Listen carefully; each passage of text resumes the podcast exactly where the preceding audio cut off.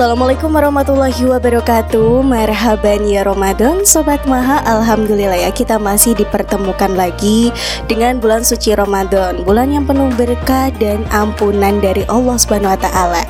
Dan Alhamdulillah juga kita masih diberi kesempatan Dan kesehatan oleh Allah Subhanahu Wa Taala Sehingga kita bisa dipertemukan Di acara ngafsai yang pastinya di Maha Radio News Entertainment and Religious. Nah, setelah uh, satu bulan, satu bulan, satu tahun kita tidak bertemu, akhirnya kita kembali dipertemukan lagi di tengah-tengah sobat mas semua pada segmen acara kali ini. Oke, sebelumnya perkenalkan dulu nama saya Aisyah Himiwanda dan untuk pemateri ada Ustadz kece kita nih. Ustadz Bintang, halo, assalamualaikum. Waalaikumsalam warahmatullahi wabarakatuh. Yang sudah hadir ya di kabin Maharadio KPI IAIN Pekalongan. Namun alangkah lebih baiknya sebelum kita mulai acara ngafsai ini kita sapa dulu tadi sudah disapa ya. Assalamualaikum lagi ya Pak. Waalaikumsalam warahmatullahi wabarakatuh. Oke, okay. uh, sudah lama ya Pak Ustadz uh, tidak ketemu, tapi kayaknya baru pertama kali ya. Ya karena perombakan ngurus. Iya. Alhamdulillah. Gimana kabarnya? Alhamdulillah baik baik. Gimana kru Maharadio? Alhamdulillah baik juga. Nah, dalam acara ngafsai ini, Ustadz Bintang akan memberikan kajian tentang larangan bagi orang yang junub dan larangan bagi wanita haid. Apa sih yang dimaksud dengan junub dan juga haid? Pasti uh, Sobat Maha sudah mengetahuinya ya. Nah, junub ini merupakan sebuah hadas besar yang terjadi akibat berhubungan badan atau mengeluarkan air mani. Sedangkan haid sendiri adalah darah yang keluar dari rahim seorang wanita pada waktu-waktu tertentu yang bukan karena disebabkan oleh suatu penyakit atau karena adanya proses persalinan di mana keluarnya darah ini merupakan sunatullah yang telah ditetapkan oleh Allah Subhanahu wa taala kepada seorang wanita. Nah, sobat Ma di rumah, penasaran kan pastinya? Hal apa aja sih yang dilarang bagi orang yang sedang junub dan wanita yang haid? Nah, selengkapnya akan dikaji lagi oleh Ustadz Bintang pada sesi segmen kedua ini. Dan buat sobat Maha yang mempunyai kitab Safinatun Najah, silahkan juga bisa disimak ya di rumah ataupun mungkin eh, sobat Maha ada di mana pun itu barangkali punya kitab Safinatun aja silahkan untuk disimak.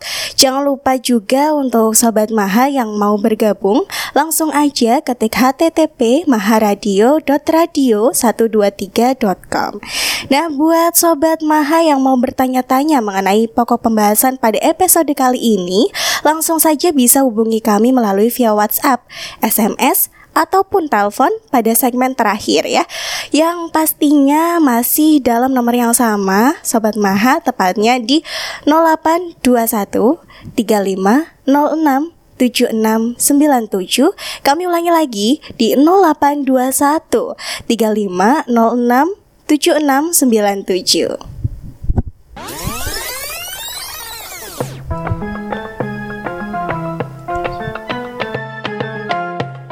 Entertainment and Religious. Masih di acara Ngafsai bersama saya Aisyah dan Ustadz Bintang dengan kajian Kitab Safinatun Naja Silahkan untuk Ustadz Bintang bisa menjelaskan terkait dengan kajian pada segmen acara kali ini. Bismillahirrahmanirrahim.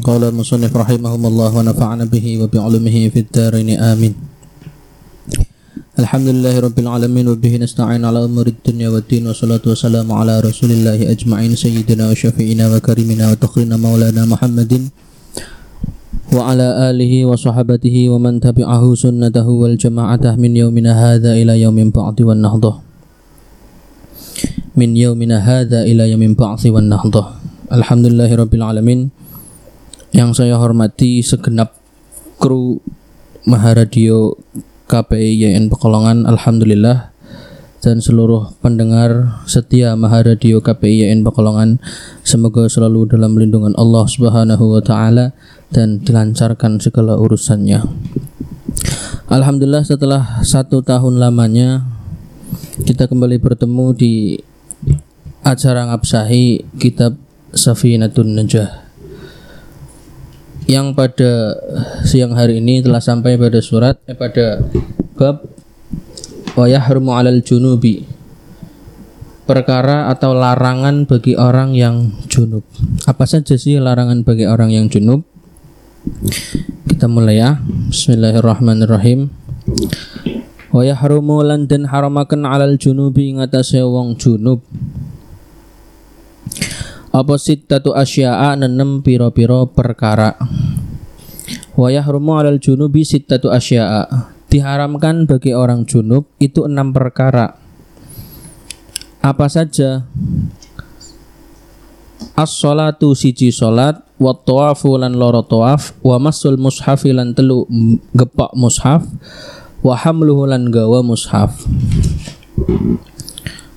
wal lubthu lan meneng fil masjidi ing dalam masjid wa qiraatul qur'ani lan maca Quran jadi diharamkan kepada bagi orang junub diharamkan bagi orang junub untuk melaksanakan enam perkara yakni yang pertama sholat Mengapa sholat itu dilarang bagi orang yang junub? Karena orang yang junub itu adalah orang dalam keadaan belum suci. Maka sedangkan sholat itu adalah menghadap menghadap zat yang maha suci. Maka wayah romalal junubi as-shalah lil hadis la yaqbalullahu salatan bi ghairi tuhurin Allah tidak akan menerima salatan bi ghairi tuhurin salatnya hamba bi ghairi tuhurin tanpa dia melakukan suci atau tanpa dia dalam keadaan suci. Wala sodakotan min hululin. Sudah jelas terpapar dalam hadis mengapa orang junub tidak boleh melakukan melaksanakan sholat? Karena Allah tidak akan menerima sholatnya orang yang belum suci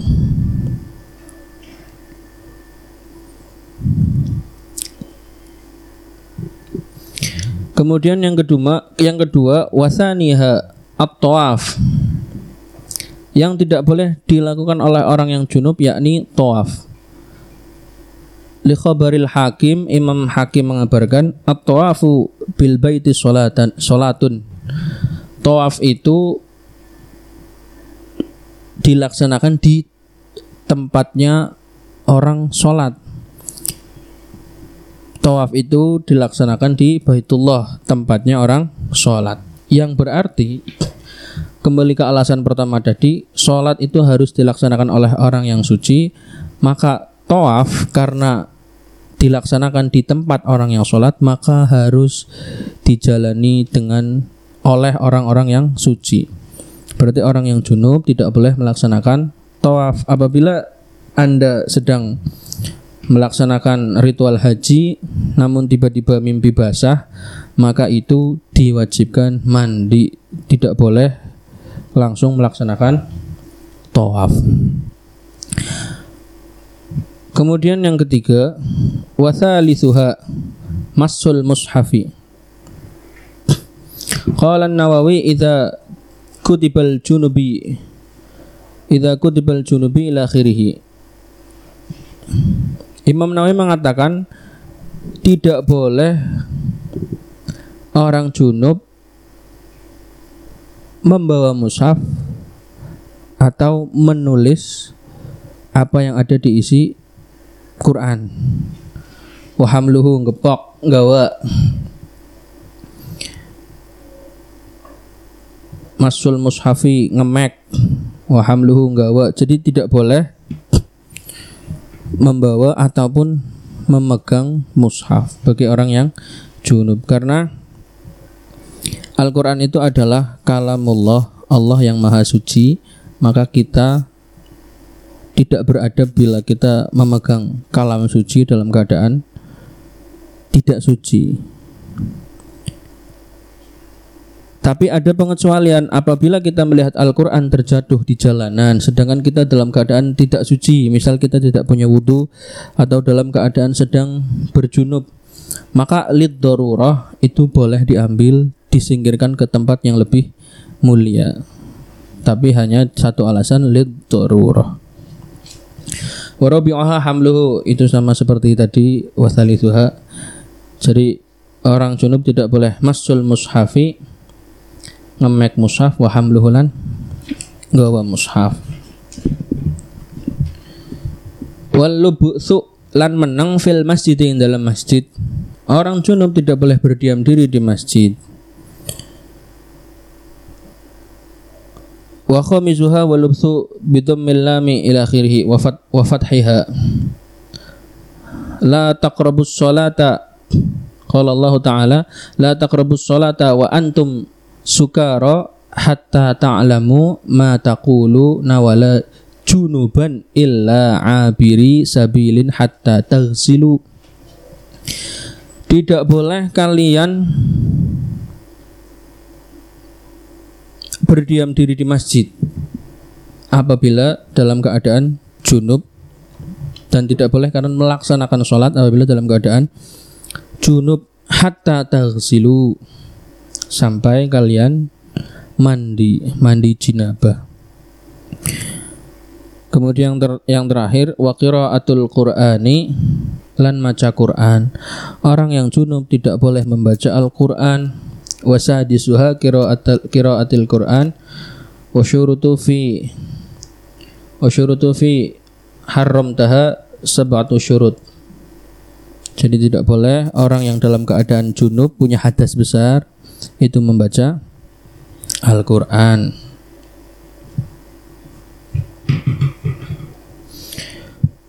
Wa yahrumulan dan haramakan bil hayudi ing atas wadon haid. Apa aja yang diharamkan untuk wanita haid? Iku asyaratu asya'a 10 piro-piro perkara. Larangan bagi orang haid itu ada 10 lebih banyak daripada larangan bagi orang junub apa saja larangannya?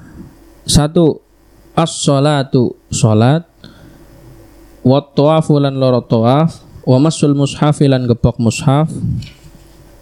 Wa hamluhu lan gawa mushaf. Wa lubthu fil masjid lan menang ing dalam masjid.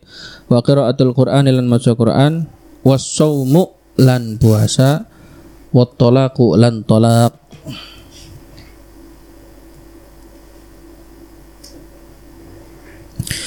Wanita haid tidak boleh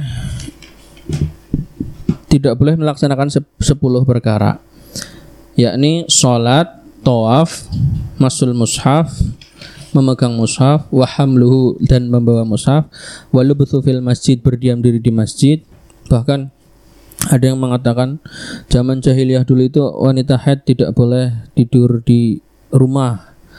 Mereka disejajarkan dengan binatang-binatang ternak karena lewat masjid saja dilarang. Walau betul fil masjid tidak boleh tapi itu zaman jahiliyah karena belum ditemukan.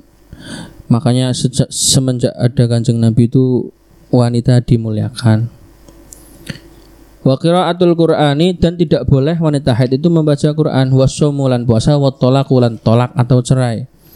Jadi bila wanita sedang haid terus bendu getun bojo karo wong karo bojone tidak boleh melaksanakan tolak. Harus ditahan dulu sampai suci baru minta tolak. Begitupun suaminya apabila wanita sedang head tidak boleh ditolak.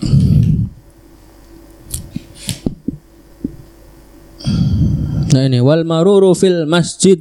Lan lewat fil masjid ing dalam masjid. In khafat lamon wedi sapa wong wadon head Wedi apa sahu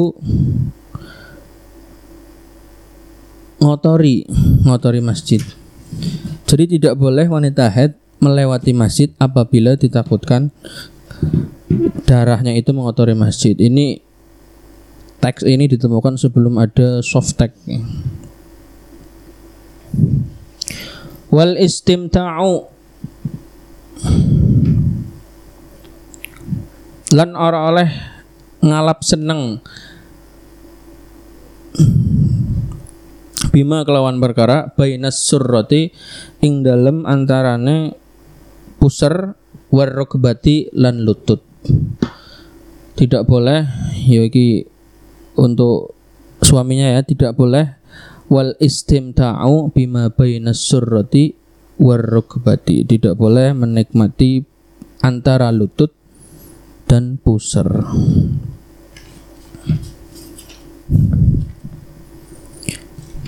Di sini ada catatan larangan membaca Al-Quran itu tidak boleh walaupun satu ayat.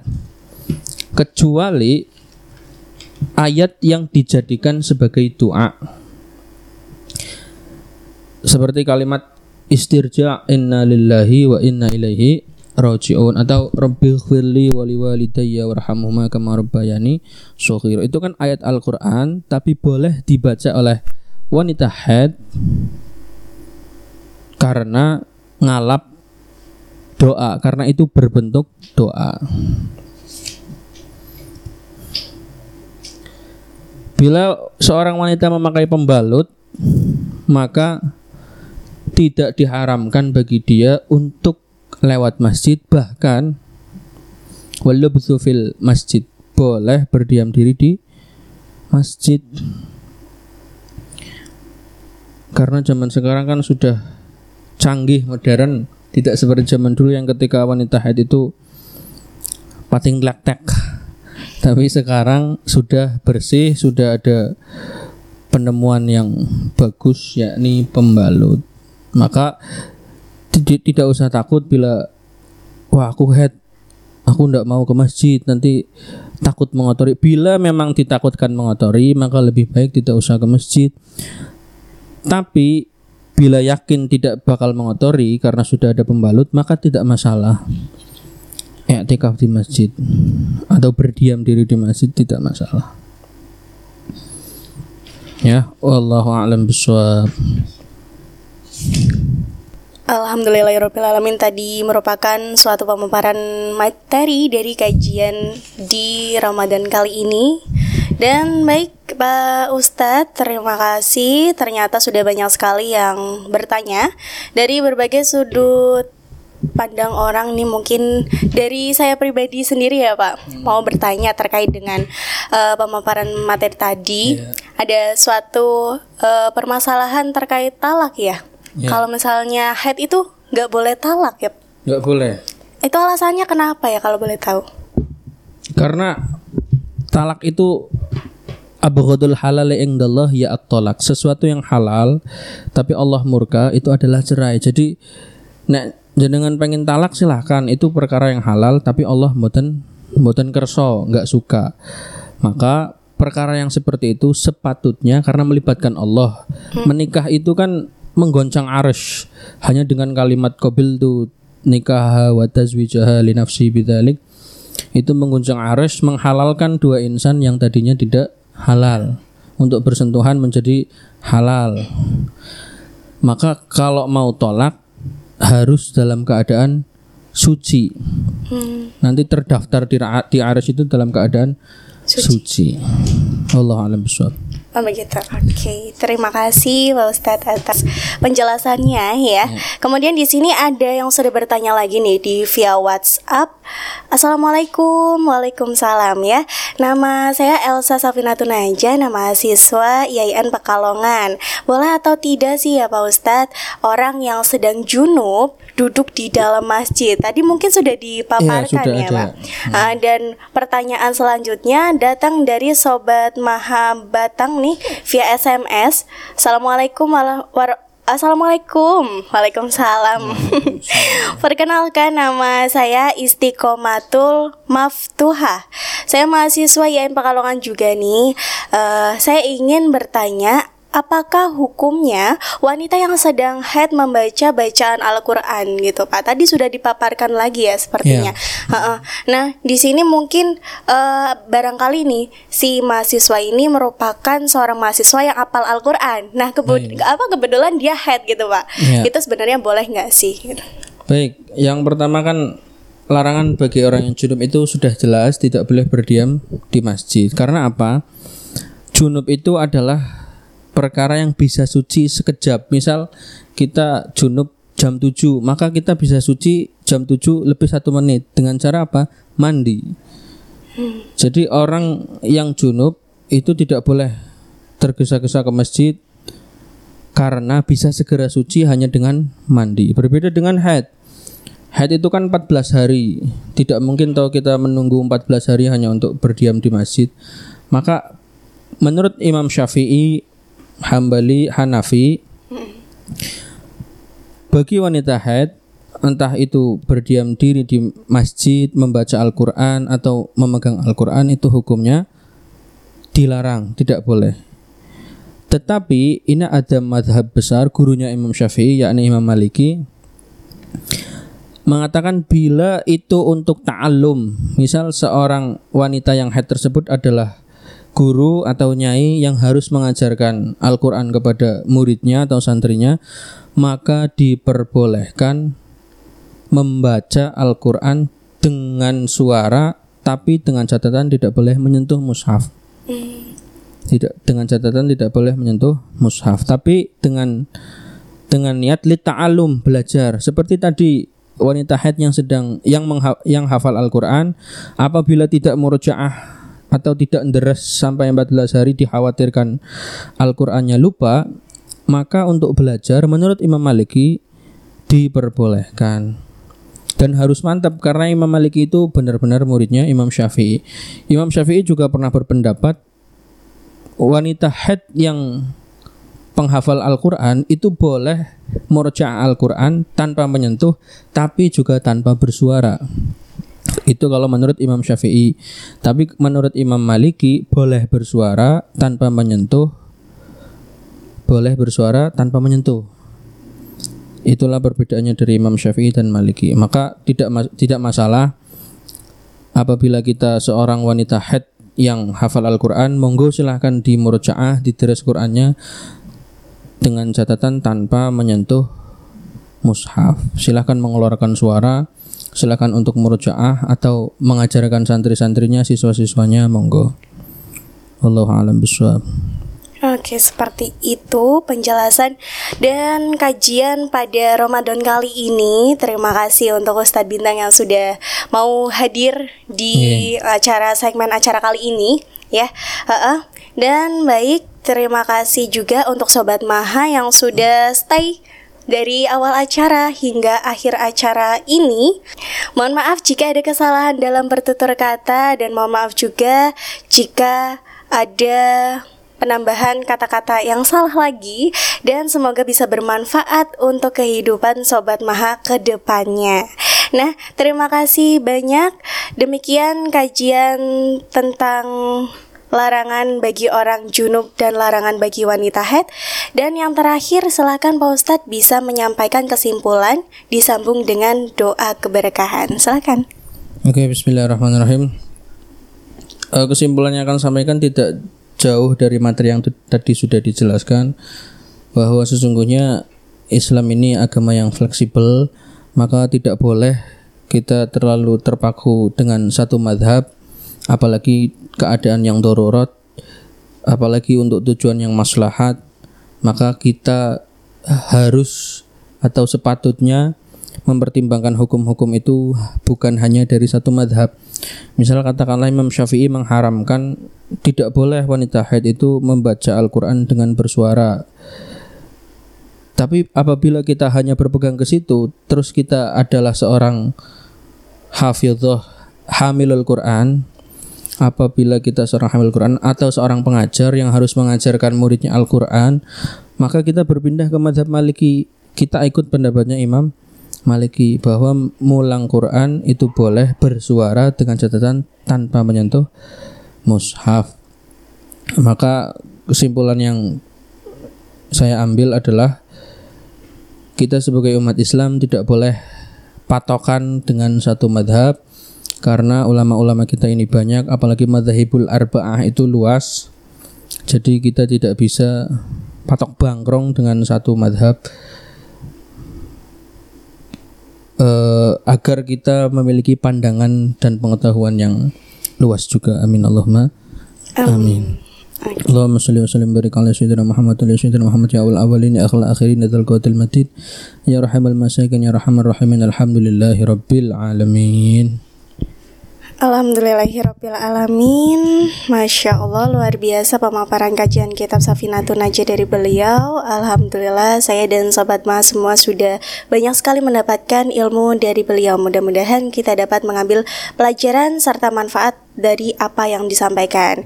Demikian kajian tentang larangan bagi orang yang junub dan larangan bagi wanita haid yang dikutip dari kitab Safinatun Najah.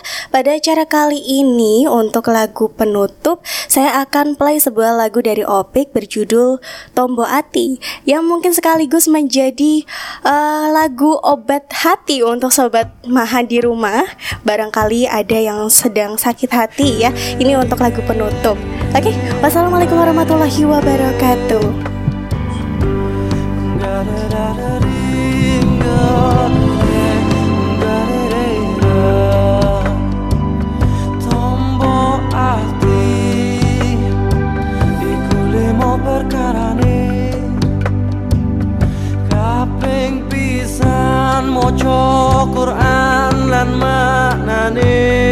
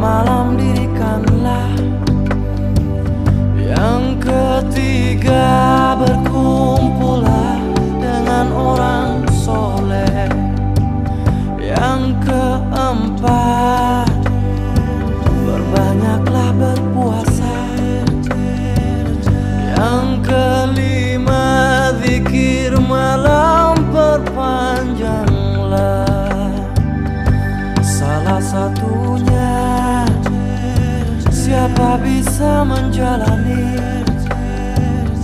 Moga-moga Gusti Allah menjalani